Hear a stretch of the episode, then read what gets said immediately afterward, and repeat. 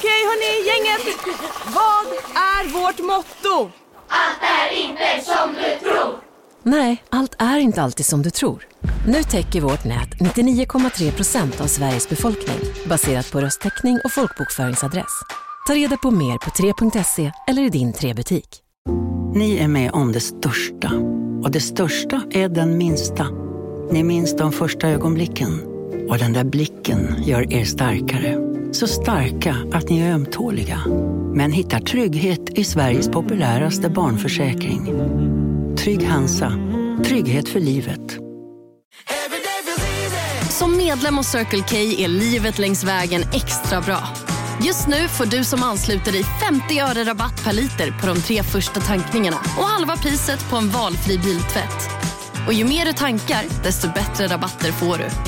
Välkommen till Circle K.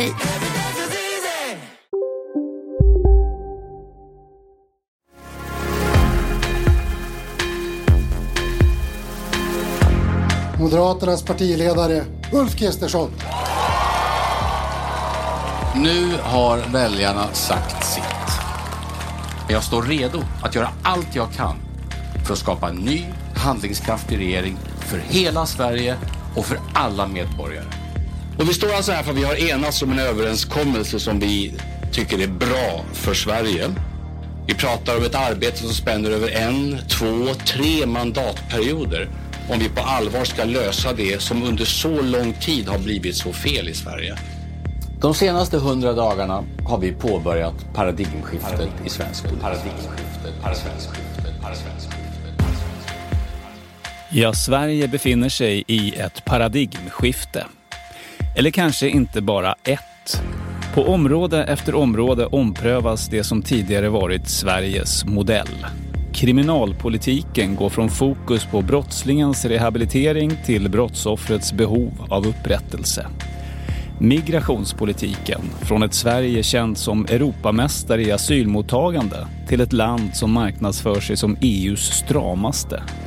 Och integrationspolitiken från att uppmuntra mångkultur till ökade krav på anpassning till majoritetens normer och sätt att leva. Men hur mycket av det här skiftet sker som en mer eller mindre yrvaken reaktion på de problem som allt mer tycks växa oss över huvudet? Och hur mycket handlar om en medveten politik som bottnar i ideologisk övertygelse om ett långsiktigt syfte och mål? Det var temat för fredagsintervjun live som spelades in på Kulturhuset Stadsteatern i Stockholm och där gästen i intervjufåtöljen var Sveriges statsminister Ulf Kristersson. Ja, Ulf Kristersson deltog alltså live under en och en halv timme inför en publik på nästan 300 personer. Den avslutande delen som ni hör sist i den här podden, om ni är kvartalprenumeranter, bestod i frågor från publiken. Men innan dess intervjuade jag statsministern och inledde med att ställa frågan hur Ukraina-kriget ska kunna sluta med en total förlust för Ryssland eftersom det samtidigt skulle innebära att de fullständigt tappar ansiktet. Absolut. Därför är det väl som ibland i historiska händelser att alla scenarier ter sig just nu ganska osannolika. Eller hur? Ja. ja det tycker jag. Och det, låt oss vila i det, men låt oss också vila i att hittills har Ukraina klarat sig otroligt mycket bättre än vad någon kunde föreställa sig. Jag minns resonemang. Dagarna efter krigsutbrottet så minns jag resonemang när vi började lite trevande. Ska vi skicka vapen till Ukraina? Och först var det lite så här, det går inte och det får man inte och svensk lagstiftning stod emot. Sen fanns det de som lite mer pragmatiskt sa att det kanske är farligt eftersom de vapnen kan snabbt hamna i ryska händer. Eftersom många trodde att Ukraina skulle falla snabbt. Trodde du det också? Nej, det, jag ska, inte för att jag hade någon, någon, någon, så säga, någon, någon eh, profetisk blick, men jag, jag tyckte det var rätt uppenbart redan allra första dygnet att det fanns en extrem försvarsvilja i Ukraina. Vi minns ju alla det här eh, den här säkert inte illa menade, men ändå liksom där det antyddes att Zelensky erbjöd så att säga safe haven. Och han ville ha vapen, not a lift, mm. som han uttryckte det. Eh, så jag tycker nog att eh, jag har nog, nu har jag varit där och, på plats en gång rejält och träffat honom flera gånger och träffat andra från Ukraina så är den här, den här beslutsamheten, den är, det låter lite filmiskt, men den är otroligt smittsam att träffa den här enorma beslutsamheten. Så att, men alla scenarier är osannolika. De måste vinna detta och det är för deras skull, för vår skull, men också för mycket bredare geopolitiskt. Det det andra delar av världen tittar på vad som händer Eh, med Ukraina just Nästan nu. existentiellt då. Mm. Här hemma pågår ju inget krig, tack och lov, men väl en ganska uppskruvad eh, retorik mellan er politiker. Senast manifesterade i SVTs partiledardebatt. Det var en snabb övergång får man säga. Halv, det får man säga, men jag klarade den tycker jag. Halvsanningar, medvetna missförstånd och anklagelser om oh. planer på att avskaffa demokratin. Jag mm. tänkte vi kan lyssna på ett uppmärksammat mm. inlägg från din huvudmotståndare mm. Magdalena Andersson. Det är ju Viktor Orbáns handbok som vi ser nu, som steg för steg, eh, bit för bit, eh, man nu inspireras av. Eh, Ge sig på hbtqi-personer är ju bara en del. Man har gett sig på civilsamhället, man ger sig på journalister, man ger sig på akademin. De är ju själva i uppror, så det är inte bara jag som säger det. Man ger sig på myndighetspersoner och kallar dem för aktivister. Och man försöker också ge sig på det största oppositionspartiet och strypa vår finansiering. Det är klart att syftet med allt det här det är att tysta eh, och skrämma eh, de kritiska rösterna. Mm. Vill du tysta och skrämma de kritiska rösterna? Jag tycker att det här är ovärdigt. Eh, vi känner igen det väldigt väl. Det är en ren amerikanisering. Det är liksom så här, man har tagit själva manualen från, från USA bemöt inte varandras sakargument, diskutera inte med varandra utan peka på den andra som en fara för demokratin och som hot. Och, eh, ta inga diskussioner överhuvudtaget. Jag, jag tror att det är farligt. För bara återkoppla till det du själv sa, det finns länder som skulle önska att de fick ha seriöst meningsutbyte där man tycker olika på riktigt med hetta. Eh, de skulle inte uppskatta att vi förringar och banaliserar politisk debatt på det här sättet. Är du självkritisk för att du beskrev decemberöverenskommelsen och januariavtalet som att mixtra med demokratin? För det kritiserade ju hon dig för. Det är intressant att just det, när jag sa så här, i längden kan man inte räkna bort ett partis röster och säga att de inte har någon betydelse. Jag sa inte att det var olagligt. Jag sa att det var, jag tror att de som röstade parti, parti vars röster inte skulle räknas, de uppfattade sig nog rätt marginaliserade i svensk politik. Det gjorde de, men tycker du att det är en artskillnad snarare än gradskillnad i det du sa och det Magdalena Andersson sa här? Ja, det måste jag ändå säga. Att plötsligt få för sig att några partiers röster inte ska räknas överhuvudtaget.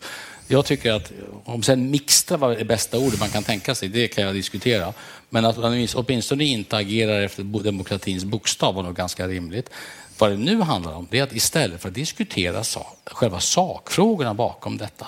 Är det bra att reglera partifinansiering via lotterier eller är det inte bra att reglera det? Många andra saker. Så är det det här liksom svepande för att alla är ett hot mot demokratin. Och så. Jag, jag tycker att det där är jag tror att det där är farligt och jag säger det också för jag, tycker jag har följt amerikansk politik i ganska många år. Det här när människor inte längre kan prata med varandra, när vänner inte kan vara vänner för att de tycker olika politiskt, när man inte kan så att säga, ha relationer med andra människor. Jag tror att någonting på riktigt går förlorat då. Framförallt tror jag att de människor som tycker att det finns hyggligt stora problem i Sverige, som ser att det vi håller på med i, i Anders program här, är att stå och kasta skit på varandra helt enkelt. Jag tror inte att det imponerar på deras tilltro till vår förmåga att lösa problem. Men, men när du säger det här, eh, det är säkert många som håller med, men, men du är inte heller helt utan skuld, skulle säkert, säkert Sverigedemokrater säga. De tycker gissar jag, att du också och andra moderater tidigare har utmålat dem som hot mot demokratin. Men nu så samarbetar ni ju. Jag vågar, alltså, för första, ingen är fri från skuld. Det, det tror jag, det, är, det är en bra grundinställning tror jag. Den som är det kan kasta första stenen, så det tror jag var helt rätt i.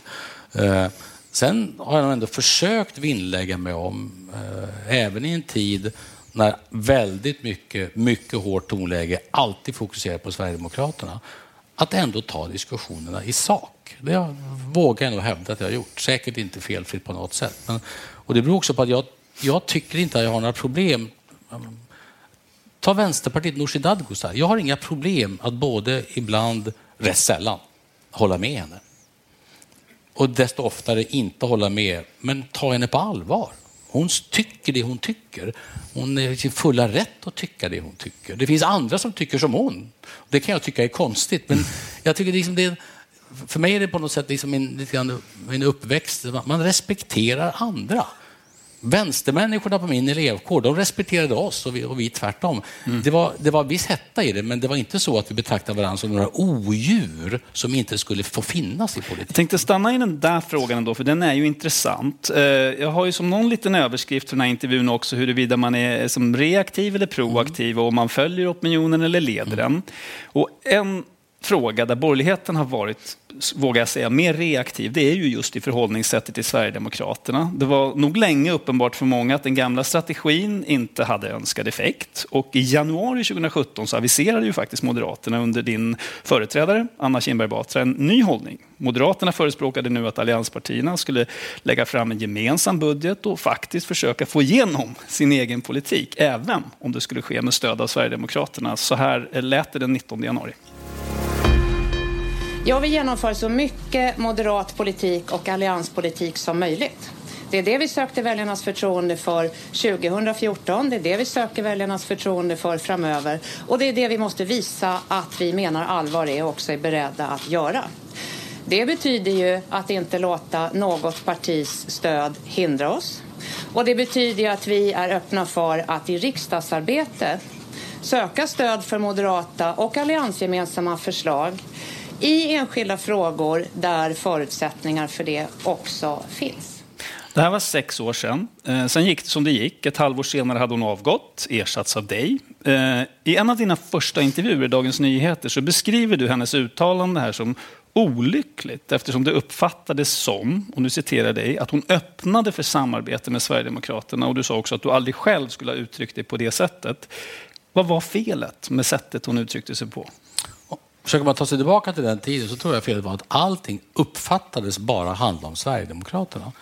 När jag tror ärligt att det Anna försökte säga det var att i längden går det inte att ha en ståndpunkt för sin egen politik som man tror på och sen inte göra det man kan för att också förverkliga det. Ja, det låter ju helt rimligt. Ja, men det är väl fullkomligt men, rimligt. Men det blev ju ett väldigt liv ja. på de andra allianspartierna bland annat, några av dem.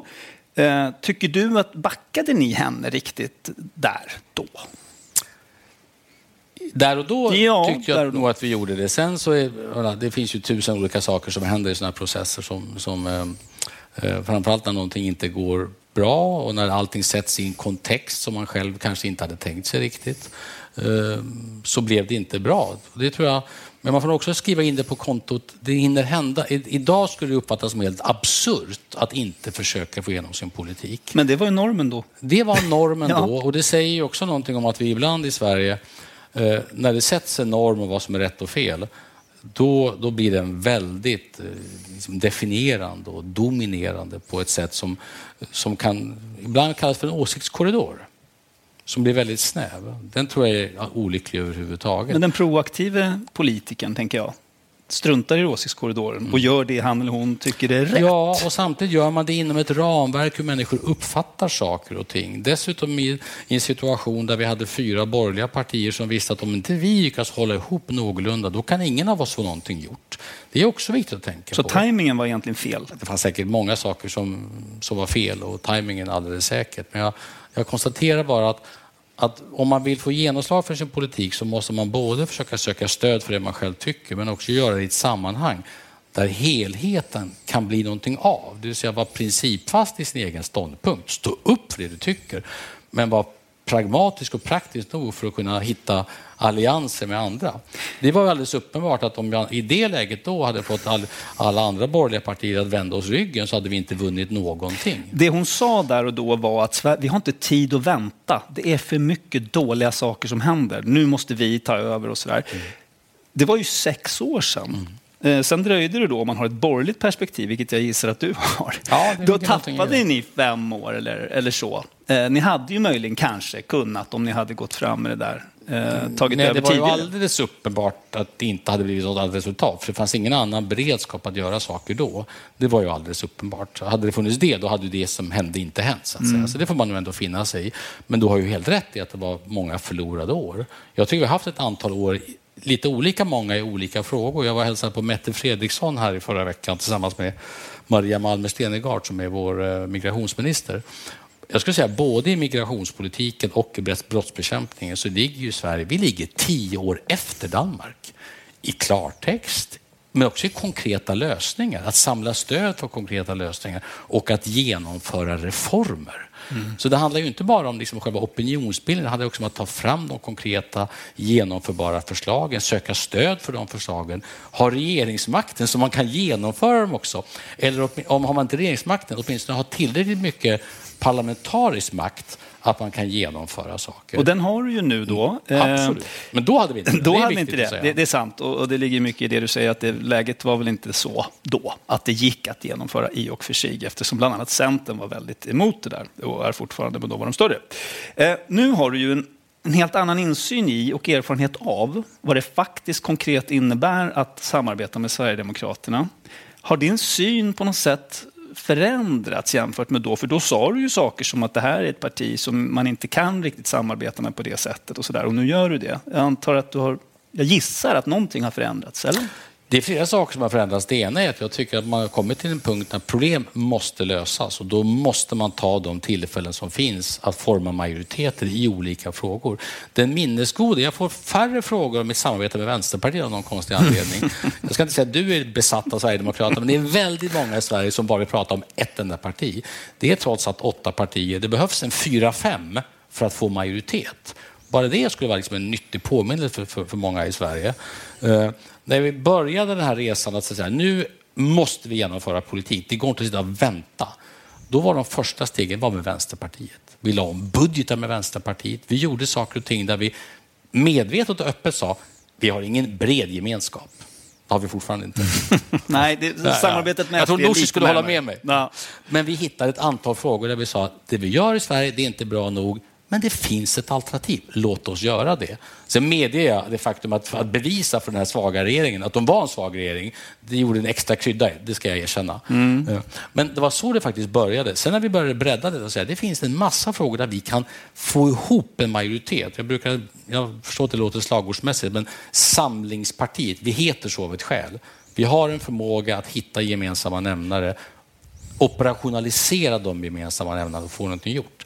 Och det tyckte jag att det fanns så mycket med brottsligheten och med, med migrationsmisslyckandena, men också många andra saker där man inte bara kan sitta och säga om inte vi får precis som vi vill, då tänker vi inte göra någonting Så alls. det var en, en, del av utgångspunkten där och skälet till att ni ändrade lite grann och du gjorde det. Jag tänkte vi skulle prata om migrationspolitiken som du var inne på här, eh, som ju kanske delvis på grund av det reaktiva svaret från politiken fortfarande idag är en högsta grad aktuell fråga.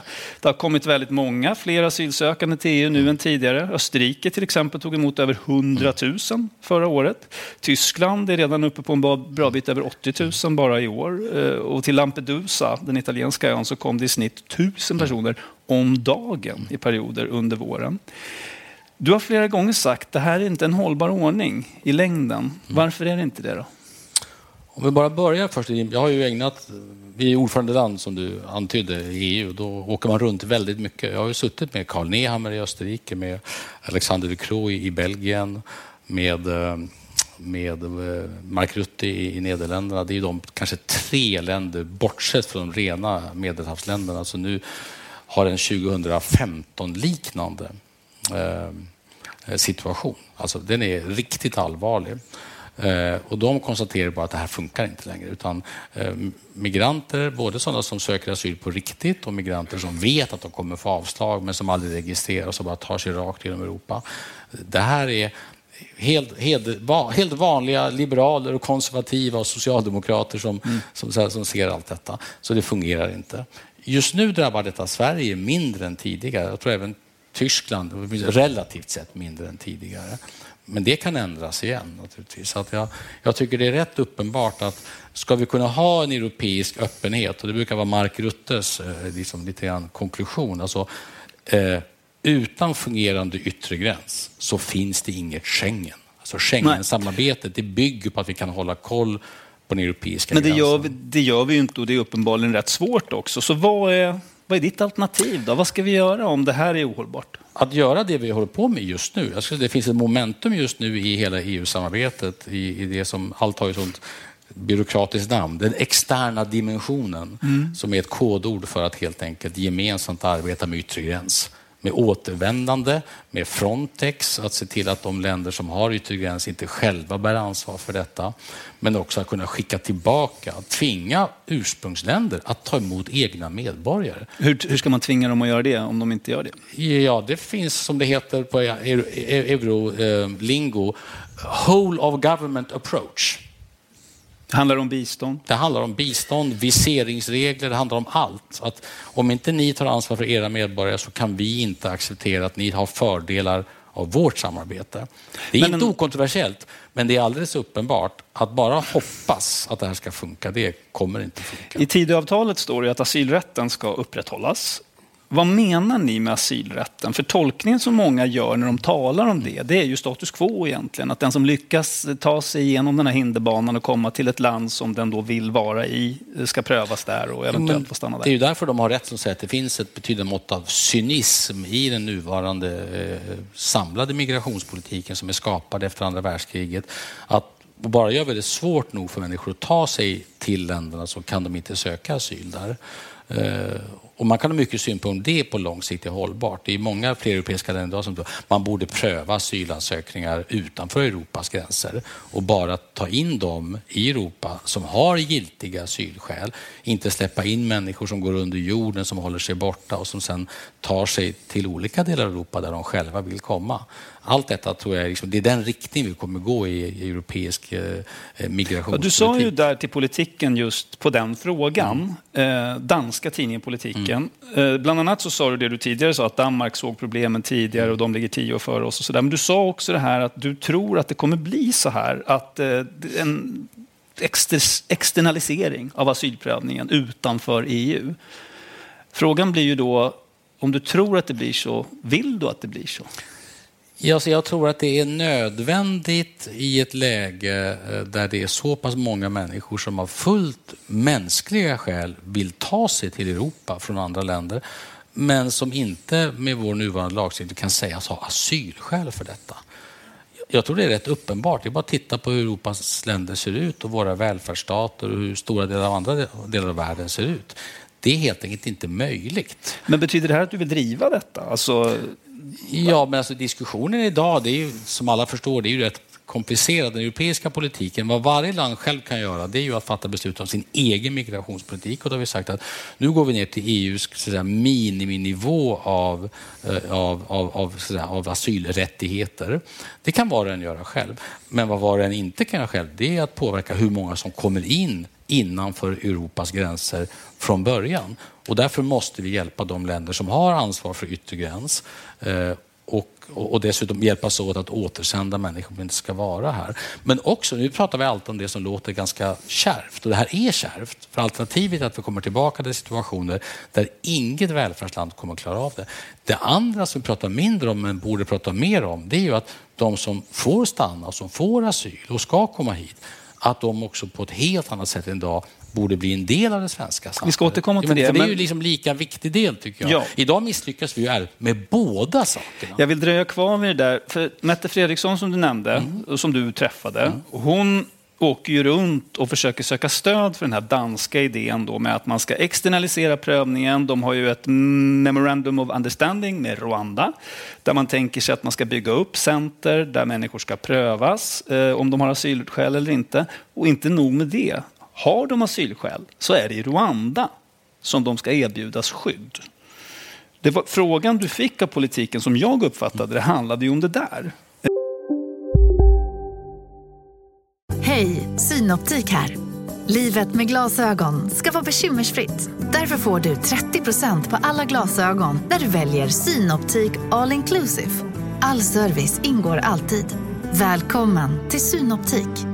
Hej, Susanne Axel här. När du gör som jag och listar dig på en av Krys vårdcentraler får du en fast läkarkontakt som kan din sjukdomshistoria. Du får träffa erfarna specialister, tillgång till lättakuten och så kan du chatta med vårdpersonalen. Så gör ditt viktigaste val idag, lista dig hos Kry.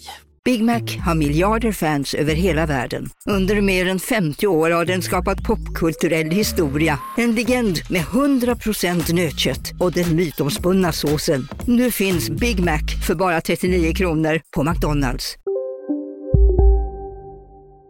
Eh, är det en ordning Ska vi vara lite skulle... noga nu? Det där var faktiskt Mette Fredrikssons och Socialdemokraterna, som vi ska vara lite Ja. exakta här, idé för vad det var. Det är inte den nya regeringens politik. De enades inte om den Ja, de har lösningen. pausat den, men de vill Ja. ju fortfarande göra Ja, detta. de har inte gått vidare med det kan vi enas om i alla fall. Ja, de vill ha stöd av andra EU-länder. Ja, bland annat att, Sverige. Jo, men jag tror att de insåg att det är många av de här sakerna som måste göras gemensamt på europeisk botten. Mm. Det som nu är då komplicerat att, att då är det en del länder som, tar man medelhavsländerna, då är de rädda för att om man blir ganska tuff med att hålla gränsen och att återsända, då är de ju rädda att då kommer väldigt många människor komma till deras länder och sen inte komma vidare och inte åka genom hela Europa. Men det är väl det som är Mette Fredrikssons och Storbritanniens idé. Att vet man att det Just- kommer leda till att jag kommer prövas i Rwanda och, och får jag skydd så är det i Rwanda eller något annat afrikanskt Mm. land där jag får tillbringa mina dagar. Men Rwanda är ju inte en uppenbar gränsland till Europa precis. Så man kan Nej. mycket nej precis. Så det, Men- men- Man kan ju tänka sig andra lösningar. Man kan ju tänka sig att man diskuterar med de länder som har gräns mot Europa eller mot Medelhavet. Och vad är fördelen med det då?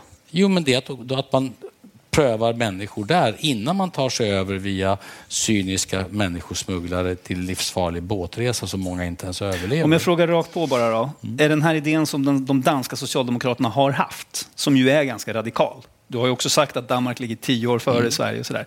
Är det någonting du kan tänka dig? Eller är Att pröva, att pröva asylskäl vid eller utanför europeiska gränsen och att bara släppa in människor som får asyl. Det tror jag är en fullt realistisk idé till slut. Det kräver att många länder samarbetar väldigt noggrant. Och om vi inte lyckas med det, då kommer den europeiska öppenheten äventyras, tror jag. Det tror jag Så det här kommer du att driva i EU? Det här är, kommer att vara Sveriges linje? Ja, alltså, riktigt så funkar det inte. Just nu diskuterar vi ett paket och det handlar om den externa dimensionen. Hur ska vi få bättre koll på gränsen överhuvudtaget och att börja registrera så att människor skickas tillbaka där de först har kommit. Det är svårt nog. Sen håller Europaparlamentet på med sin pakt och ska man försöka enas om hela saker här. Den uppenbara risken som finns här det är att alla de här beslutsdelarna lamslår varandra så vi inte får någonting gjort överhuvudtaget. Då är jag allvarligt oroad att ett antal europeiska länder, fullt civiliserade länder, drar slutsatsen att det enda vi kan göra är att stänga våra egna gränser. Därför man får sådana otroliga tryck på sig under kort tid. Förra året beviljade Sverige 142 000 uppehållstillstånd eh, varav ungefär 43 000 var ukrainare som kanske många anser vara en speciell historia. Hur, hur många är EUs miniminivå tycker du? Ungefär? Ja, men är det 100 000? Nej, jag tänker inte ha någon sån, utan antalet, det är ett resultat av vad vi gör. Det finns ingen siffra i det. Vi har sagt så här att om man ska ha tumregler, då tycker jag en rimlig tumregel är att Sverige eh, får ungefär lika många asylsökande som andra näraliggande och likartade länder. Per capita? Per capita, precis. precis. Det är väl liksom en, en rimlig tumregel och då kan vi konstatera att just nu så eh, tar Sverige emot dubbelt så många asylsökande som alla andra nordiska länder tillsammans. 70 procent av alla som kommer till vår del av världen söker asyl just i Sverige. Det är inte hållbart helt enkelt. Och då inser vi att signalerna har alltså betydelse.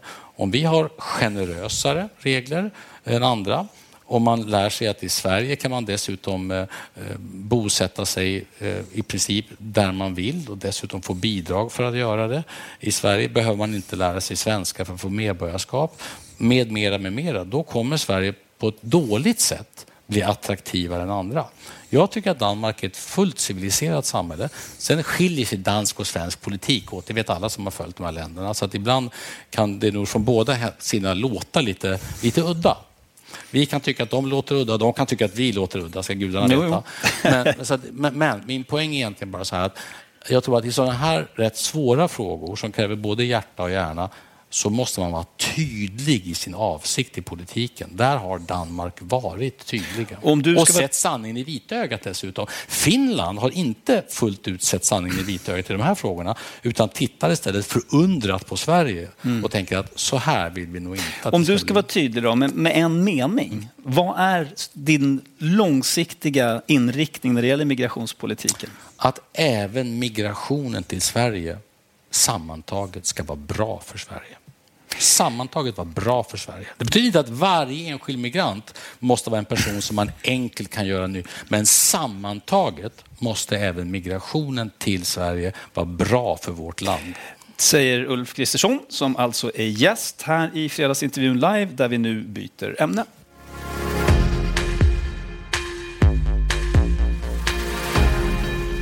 Det ska handla om socialpolitik i någon slags lite vidare mening. En rätt tydlig ambition hos din regering är ju att sätta hårt mot hårt mot gängkriminella. Straff efter straff skärps. Kriminalvården kämpar frenetiskt för att hålla jämna steg. Eh, men man undrar kanske ibland hur politiken ser ut som syftar till att ungdomar med problem eller på glid inte ska välja brottets bana och våldets väg. Då. Mm.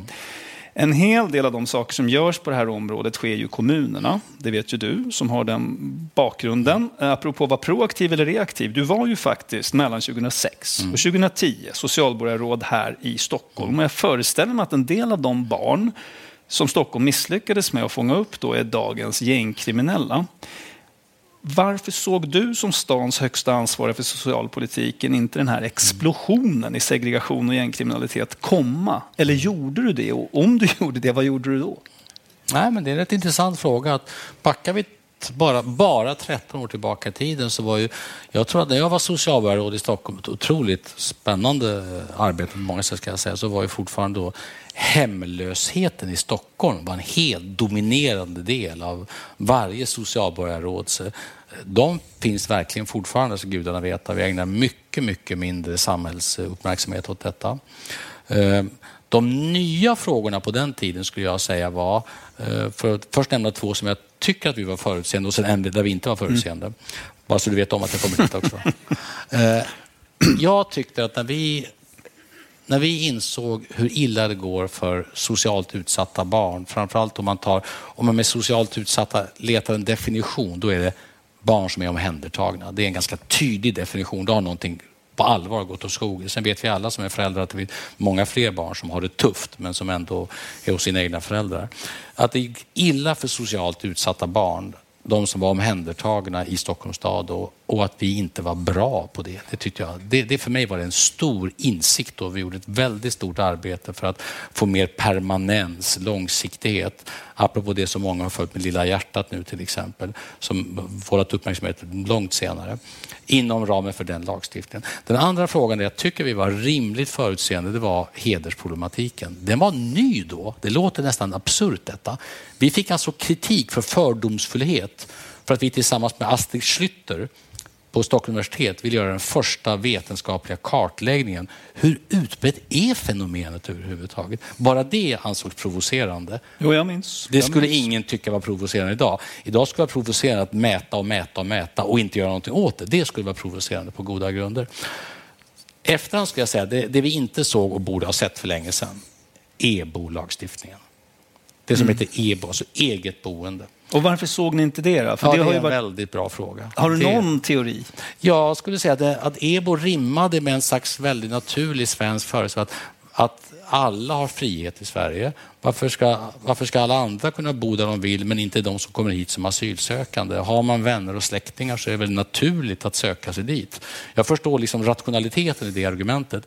Men det var också EBO som la grunden för det vi idag tycker är uppenbara orimligheter med, med trångbodda barn, barn som inte kan göra läxorna hemma, barn som, eh, som flyttar runt hela tiden, barn som aldrig lär sig svenska för de bor aldrig i områden. Allt detta tycker jag Ska jag tolka det då som att det är segregationen som du ser som huvudskälet bakom den utveckling vi ser nu med, vad har vi, 29 döda och 130 skottlossningar i Stockholm bara förra året? Ja, jag tror man ska vara lite varsam med att segregation är ett problem. Mm. Men alltså ärligt talat, om man är road av socialpolitik då lär man sig snabbt att, att samband och korrelation är inte samma sak som kausalitet. Det är rätt viktigt. Det finns väldigt många människor som är trångbodda, många som är segregerade, många som är fattiga, som inte begår ett enda brott överhuvudtaget. De allra flesta skulle jag säga. Det är noga. Vi som har följt socialt utsatta barn, man tittar lätt bakåt och säger så här, det kunde man ju se redan barnet var tre, fyra, fem år. Ärligt talat, för väldigt många som har det tufft som tre, fyra och femåringar går det jättebra senare. Så att det finns ett antal riskfaktorer på vägen där. Mm. Det är klart att, som många säger, och det är också inspirerat av danskarna, växer man upp i ett samhälle med helt andra normer och regler eller riskerar att exponeras mycket för den sortens normer och värderingar, då är nog risken i vart fall större att man själv hamnar i allvarliga problem. Det man kan läsa i Tidöavtalet eh, när det gäller det här området har en ganska tydlig riktning. Ungdomar på glid ska möta en eh, mycket tydligare och tidigare reaktion mm. från samhället. Vi har de här ungdomsfängelserna, den nya påföljden, utvidgad ungdomsövervakning mm. och lite annat sånt. Är det liksom er modell, så att säga? Är det det som är huvudspåret för att, eh, ja, i socialpolitiken helt enkelt? Tydligare reaktioner, tidigare reaktioner? Ja, det ska man nog säga. Tidiga och ty alltså, tidighet och tydlighet, det ska jag nog säga är underskattade preventiva metoder. Det skulle jag verkligen säga. Men det är inte de enda. Det är viktigt. Alltså, eh, att låsa in människor som springer omkring med grova vapen väldigt länge, det är en preventiv insats. För det finns tioåringar som då inte får träffa den personen på stan. Så när jag träffade den danska rikspolischefen så sa han att en av de allra viktigaste, det ingen, ingen blir förvånad att vi nu gör samma sak i Sverige. Alltså, det viktigaste vi har gjort är kanske att vi låser in de som har vapen fem år, rätt upp och ner. Fem års fängelse för själva vapeninnehavet. Och då har de i bästa fall inte hunnit använda vapnet. Har de gjort det också så blir det ännu Därför att då blir vi av med dem som är förebilder för andra i form av eh, makt och status och sådana saker. Så jag tycker det är en förebyggande insats som är viktig. Sen är det klart att det inte räcker. Det är, det är ju självklart. Det är klart att tittar man på forskningen bland socialt utsatta barn så skulle jag säga att en väldigt tydlig signal är att de barn med tuff start som ändå klarar årskurs 9 med bra betyg eller goda betyg, de löper mycket mindre risk att hamna i problem senare i livet eller att begå problematiska saker en sak, än andra. En sak som är intressant, den instans som ska genomföra mm. mycket av det här paradigmskiftet mm. ändå, eh, inte just det där med att utmäta straff mm. såklart, men det är ju socialtjänsten. Och man undrar lite om den är rustad för det här. För mm. att eh, i ett reportage till exempel i Svenska Dagbladet från i februari mm. som du säkert läste så intervjuade de ett större antal socialsekreterare i mm. Stockholm och bilden var ju faktiskt en skräckbild. Alltså personalomsättningen är enorm. Eh, oftast är det nyutexaminerade som får jobba med de allra tuffaste fallen och, och, i princip har de ingen introduktion ens. Mm. Hur ska det funka om, om de nu ska göra ett jättehäv här? Ja, men det med de här säger sig självt att det, då kan man, då kan man fråga sig, att vi har en Herkulesuppgift framför oss, det är ju uppenbart. Var ska man börja någonstans? Då måste man ju börja med att åtminstone stå upp för de medarbetare vi faktiskt har.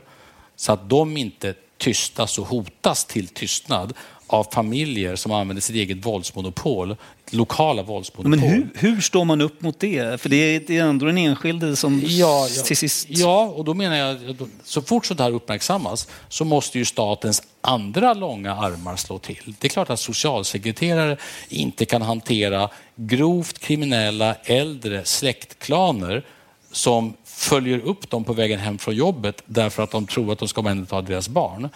Det är alldeles uppenbart. Än mindre att socialsekreterare som är gediget utbildade för att hantera vad vi skulle kunna kalla för traditionella sociala problem. Väl så allvarliga. Missbruk, psykisk ohälsa, sådana saker. fattigdom inte minst. Det var ju det som vi byggde socialtjänsten för. Att de nu ska hantera 13-åringar med vapen. Det finns ingenting i deras utbildning som är lagt för det. Så Herkules uppgift, men går alltså är det ens genomförbart? Ja. Jag säga, det måste det ju vara. Ja. För alternativet skulle vara att säga nej, vi ger upp. Vi kommer ha områden i Sverige som är laglöst land eh, där vi tycker att andra får bestämma och så hoppas vi att de far så lite illa. Jag träffar rätt ofta socialtjänsten när jag är ute och reser för jag, det är verkligen ett, ett, av flera privilegier i mitt nuvarande jobb att man får kasta sig över nya saker men man får också behålla gamla favorituppgifter. Jag mm. tycker mm. verkligen att framförallt socialtjänstens arbete med, med, med, barn det är en djupt underskattad fråga som ingen regering har tagit på stort allvar på på decennier ska jag säga. Vilket är lite ironiskt med tanke på vilken ställning socialdepartementet har haft i, mm. i svenska regeringen. Den ständiga fighten mellan socialdepartementet och finansdepartementet. Ganska hälsosam på sitt sätt. Gustav Möller är som en del vet min stora favorit på området. Men, men jag skulle säga att det där är ett underskattat område där jag tror att vi måste tänka om rejält det vill säga ha en helt andra muskler till socialtjänsten. Eh, det som nu håller på att hända, barns rättigheter går före föräldrars rättigheter, långvarighet i placeringar för de barn som inte kan vara här. Att växa upp i kriminalitet, det är alltså farligt. Jo, det är klart, men, men det, det, låter ju bra när du säger att vi måste tänka om helt och göra en helt annan sak. Men hur ska det gå till, ja. eller vad menar du? Ja, alltså, vi lever ju trots allt i, ett, i, i en, säga, i en vårt maskineri, demokratin, ett maskineri är ganska långsamt. Vi håller nu på att göra om socialtjänstlagen, vi håller på att göra om lagen om vård av unga. Det är så lagstiftningsarbete funkar i Sverige. Det ändras ganska viktiga saker här som inte har ändrats på många år. Det betyder inte att det här kommer gå fort på något sätt. Nej, det här kommer ta ett tag. Det här kommer ta lång tid. En fråga som är intressant är när ni säger att nu ska vi vända den här utvecklingen och så. Vad är en realistisk Mm. målsättning för det här, det som brukar kallas det svenska tillståndet? Är det liksom att frysa utvecklingen ungefär nu? Är det en rimlig målsättning att stoppa blodflödet så att säga? Eller vad, vad ser du framför dig om tio år? Var är vi då? Nej, det kan ju inte vara en rimlig målsättning att stoppa blodflödet. Man kan väl säga att det är en nödvändig men inte tillräcklig start på det hela. Det är klart, så länge det fortsätter gå åt fel håll eh, så är det ju helt förfärligt. Men jag är helt övertygad om vi tittar om vi tar brottsligheten som ändå fler har, länder har prövat så kan man väl säga att Danmark sa ju ändå att det tog tio år att halvera en del av de problem de mäter. Ni som följde New York City, det tog hela, hela 90-talet i princip. Att Men en halvering på tio år, är det det vi ska vänta oss då 2033? Min, min, jag, jag tänker inte ha några andra kvantifieringar vi måste vända utvecklingen. Om det fortsätter så här så är det farligt på, på, ett, på ett djupare plan än enbart för de människor som idag drabbas och det är illa nog. Men för att ändra på detta så krävs det andra lagar och det krävs andra incitament och då måste det på plats. För det har betydelse vilken lagstiftning vi har. Eh, och det här är demokratins sätt att hantera allvarliga problem. Det som jag ändå hittar lite tröst i det är att inte på just de här områdena, men på andra svåra områden så har Sverige lagt om kursen förut. Vi kan, vi är, det finns en sund rationalism i Sverige eh, som är så här, okej, nu har jag nått vägs ände, det här funkar inte längre. Låt oss göra annorlunda. Låt oss skriva en så här tjock utredning som sen remissbehandlas eh, på alla tänkbara sätt. Och sen sätter vi ny kurs. Och Det det, gör ni nu, men det här kommer ta ett tag då? Är det det du säger? Absolut, vi Ja. gör det nu. Det kommer ta tid. Det kommer ta för lång tid kommer många tycka och det förstår jag. Demokratin har trögheter och ska ha trögheter. Eh, Men... hur jobbigt är det att gå till val igen för dig då? Utan att kunna visa några liksom väldigt tydliga Att vi resultat. har löst alla problem? Ja, men åtminstone visa att kurvorna har börjat gå neråt. Det, det verkar ju ta lite Det är tid. klart att jag vill gå till val med känslan, den äkta upplevelsen att det är en ny kurs. Vi håller på att vända utvecklingen. Det går åt rätt håll, men det är mycket kvar. Det är klart att jag, att det jag gör inte detta för att, för att det är terapi, utan jag för att jag tror på allvar att det går att vända utvecklingen. Eh, och jag tror också att vi kommer hitta fler och fler som ser att det går att vända utvecklingen och få ganska brett stöd för detta. Vi var några som ropade på NATO-medlemskap. Alltså det, var det, var, det uppfattades närmast som en säkerhetsriskabel ståndpunkt. Ja, fram Och tills nu- ganska nyligen. Ja. Och nu har Mm. vi alltså åtta av tio partier och 70-80 procent av svenska folket Och med det vill du säga att man kan ändra sig snabbt om man bara vill? det jag vill säga två saker. Det Ja. ena är att, att lyssna på vad människor tycker är viktigt. Det är en viktig del av ledarskapet. Att våga leda är också en del av ledarskapet. Och att de här rätt ofta kan gå hand i hand. Om vi har ledare som vågar stå för ett budskap, genomföra saker. För, det var ju ett av Mettes budskap till mig. Ta kritiken, för den kommer att komma. Alla förändringar möter kritik av vested interests, av de som själva hittat på hur det är nu och de som är rädda för förändringar. Och det är sunt. Och du är beredd på det? Du har Absolut. liksom fått lite tjockare hud här då? Ja. Den kanske har varit tjock hela tiden, vad vet jag. Avslutningsvis då, vi har ju en eh, NATO-ansökan Mm. som hänger i luften. Händer det någonting där nu eller är det bara, väntar vi bara på det turkiska valet om nästa vecka? Den hänger inte i luften, den ligger på bordet. Men liksom, pågår det förhandlingar eller? Är det någon som pratar Nej, men med någon? Där med förhandlingar är lite, och det var kanske mitt eget fel, för jag tror att jag, när jag bad den utomordentliga eh, Oskar Stenström som var statssekreterare i den förra regeringen eh, med ansvar för de diskussionerna som kom efter Madrid med det här memorandumet. När jag bad honom att stanna kvar, visserligen i ett annat jobb, men var kvar i sin uppgift. Eh, då tror jag själv beskrev dem som chefsförhandlare. Det är lite oegentligt, för vad vi egentligen gör är att vi lever upp till ett avtal. Det är viktigt att säga. Det är ingen pågående förhandling, har aldrig varit det, utan vi har åtagit oss ett antal saker där, eh, som Turkiet eh, har begärt. Om vi ska vara noga också, saker där Turkiet hade en bra poäng i att begära av oss. Ta PKK på allvar. Mm. Om vi ska kortfattat summera deras ståndpunkt. Ta PKK på allvar. Se till att ni inte accepterar finansieringsverksamhet i Sverige till terroristverksamhet bara för att den terrorismen normalt inte vänder sig mot Sverige. Men finns det grejer kvar att göra där eller anser du att ni har gjort det? Det som är alltid ni... lite definitioner. Den första juni träder den nya terrorlagstiftningen i kraft. Det är ett otroligt viktigt steg. Vi och flera andra NATO-allierade säger nu respektfullt men tydligt till Turkiet, med det har vi gjort det vi sa att vi skulle göra. Vi behöver inte vara överens om, om allting annat, men vi har nu levt upp till våra åtaganden. Fullt ut, 100 procent. Ja, 100 procent i, i politiska beslut. Sen har de en poäng när de säger vi vill se att ni står fast vid det här. De, vill, de brukar säga till oss det här är ett långsiktigt åtagande och då säger vi hela NATO-anslutningen är långsiktig. Att vi nu är en aktiv del av NATOs kontraterrorverksamhet, det gör vi alltså inte för att bli insläppta i ett nålsöga. Det gör vi för att vi vill vara med och ta ansvar. Sen kan jag aldrig bevisa det här för Turkiet i Mm. förväg. Det går inte. Och alla förstår säkert också att vi har ett val i Turkiet på söndag.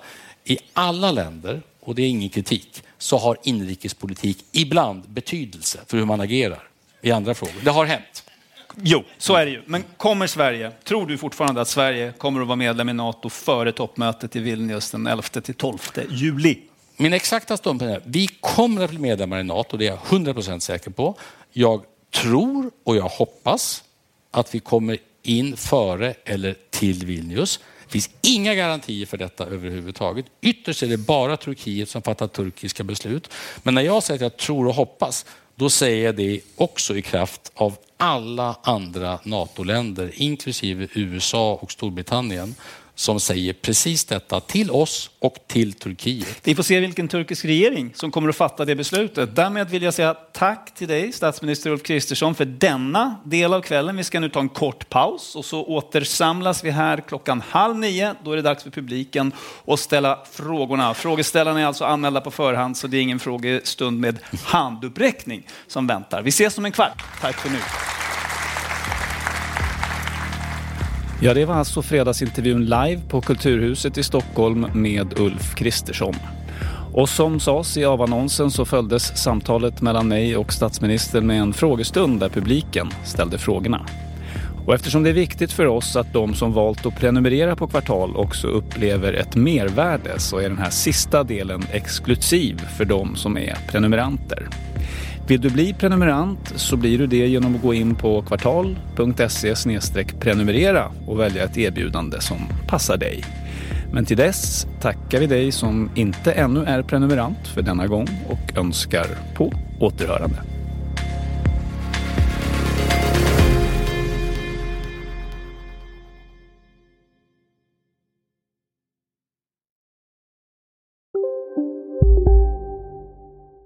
Välkommen till Maccafé på utvalda McDonalds restauranger med Baristakaffe till rimligt pris. Vad sägs om en latte eller cappuccino för bara 35 kronor? Alltid gjorda av våra utbildade baristor.